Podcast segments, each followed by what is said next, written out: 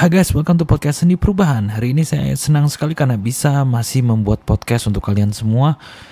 Karena apa? Karena tadi pagi itu kita ada gempa di Bali. Ya, berskala 4,8. Lumayan kencang. Saya itu lagi tidur tiba-tiba ada gempa, saya langsung loncat dari tempat tidur saya dan saya langsung deg-degan itu. Apakah ada susulan atau enggak? Jadinya saya kayak gelisah gitu kan. Mau tidur juga takut ada susulan Uh, tapi ya gimana itu masih ngantuk, masih subuh. Ya akhirnya saya tidur lagi dan juga saya berdoa minta perlindungan ke Tuhan. Dan paginya untungnya tidak terjadi apa-apa, maksudnya semuanya aman dan saya masih bisa ke kantor. Saya bisa membuat podcast ini, tapi dari sana saya mikir, saya renungin. Ternyata itu adalah cara Tuhan juga mengingat untuk kita semua ya guys ya. Terutama untuk saya apa sih yang menjadi reminder buat saya atas kejadian gempa tadi.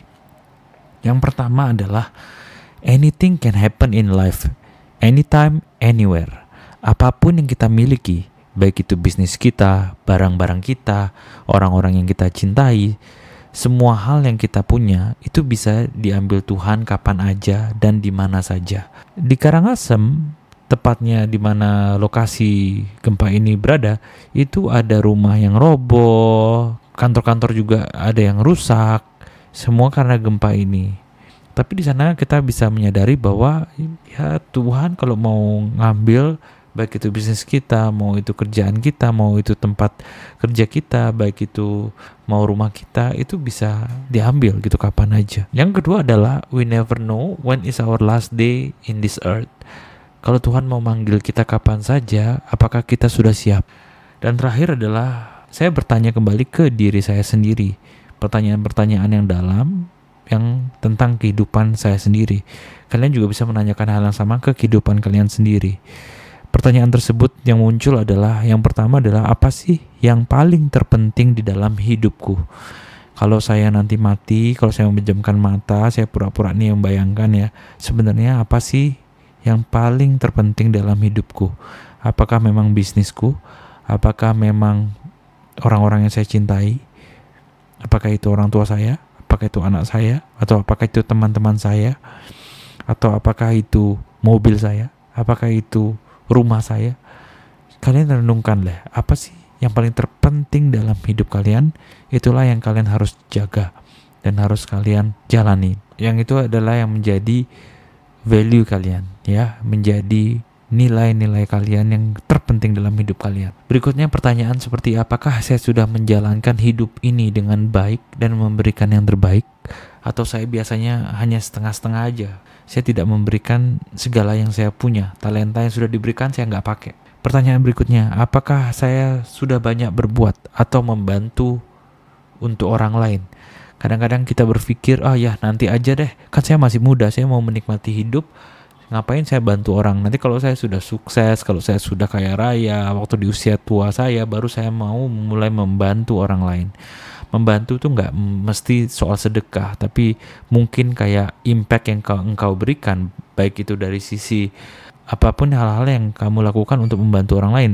Entah itu kamu memberikan tenaga kamu entah kamu memberikan pikiran kamu entah itu kamu memberikan waktu kamu maupun materi dan itu sebagai salah satu bantuan yang engkau berikan, yang kita berikan untuk orang yang memerlukan, yang membutuhkan.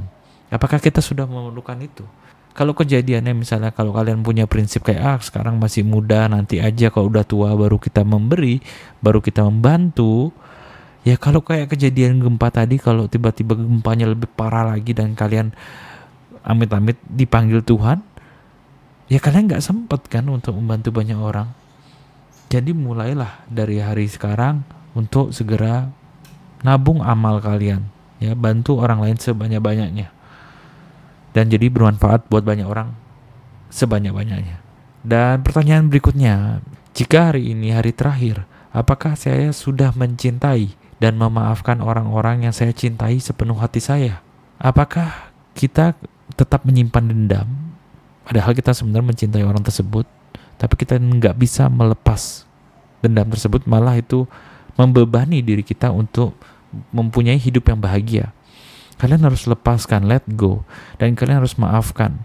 Yes, I know you cannot forget, but you can forgive. lepaskan, maafkan untuk siapa? Untuk diri kamu sendiri supaya menjalani hidup bisa lebih dengan damai. Dan juga cintailah apakah kita sudah mencintai orang kita sepenuh hati kita. Kadang-kadang kita mencintainya setengah-setengah. Kita mungkin mencintai orang-orang yang kita cintai seperti orang tua kita mungkin pada saat kita ada maunya. Tapi apakah kita benar-benar tulus dalam mencintai mereka? Benar-benar respect sama mereka dan benar-benar memberikan cinta kita ke mereka, berbakti kepada mereka di mana mereka sudah mengasuh dan merawat kita dari kecil. Begitupun juga kita ke anak kita maupun kita ke pasangan kita apakah kita sudah mencintai 100% ke mereka apakah kita sudah belajar untuk menjadi orang yang bisa mencintai lebih baik lagi kita belajar gimana cara kita mencintai dan juga kita dicintai apakah kita sudah melakukan itu atau belum kalau belum lakukan Apakah saya sudah melakukan pekerjaan dan memberi 100% yang terbaik setiap harinya? Kadang-kadang dalam pekerjaan kita pun merasa kayak ya udah this is just another day. Kita hari ini oke sudah capek kerja pulang besok kerja lagi biasa-biasa aja. Kita tidak pernah memberikan 100% dari apa yang kita miliki, dari potensi diri kita. Bayangkan jika hari ini adalah hari terakhir, dan kita emang harus bekerja, maka saya akan melakukan pekerjaan yang sebaik-baiknya.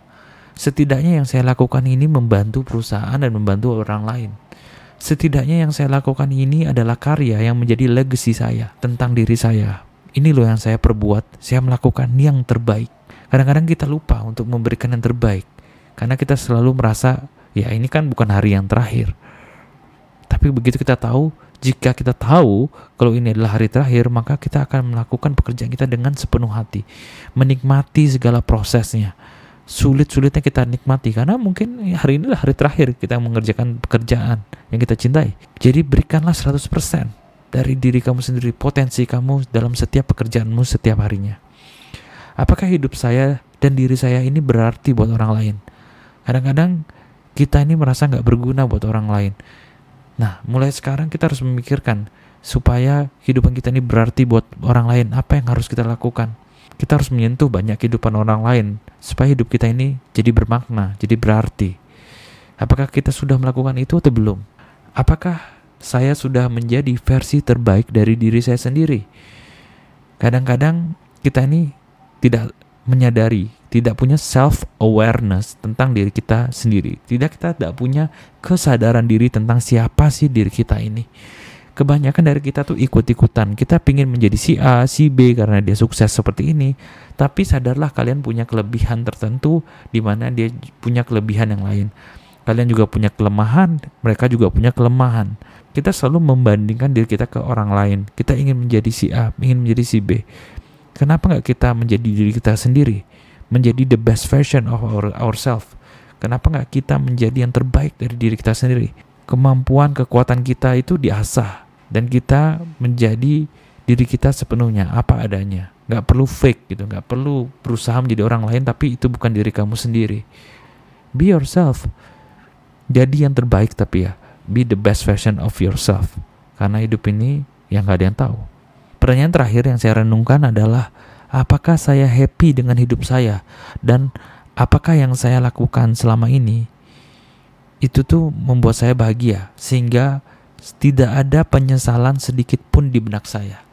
Karena banyak sekali yang saya lihat menyesal dalam hidupnya. Kalau kita ke panti jompo ngobrol sama kakek-kakek, nenek-nenek, banyak sekali dari mereka menyesali hal-hal yang mereka tidak perbuat di masa mudanya. Wah, saya harap dulu saya harusnya kayak gini-gini. Wah, dulu harusnya saya melakukan ini, ini, ini.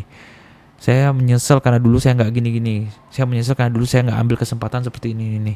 Banyak sekali penyesalan yang diucapkan. Karena itu, lakukanlah hidup kalian dengan sesuai apa yang kalian kehendaki di dalam hati kalian dan juga kehendak Tuhan tepatnya. Jadi kalian melakukan hal itu dengan niat yang baik sehingga kalian tuh tidak ada penyesalan di kemudian hari. You never know until you try. Just try it. Kalau gagal pun ya at least kamu sudah mencoba dan kamu tidak ada penyesalan. Jadi renungkan tiga hal ini yang saya tadi sharingkan Karena itu yang saya dapatkan dari perundungan saya karena kejadian gempa kemarin tadi pagi sih tepatnya.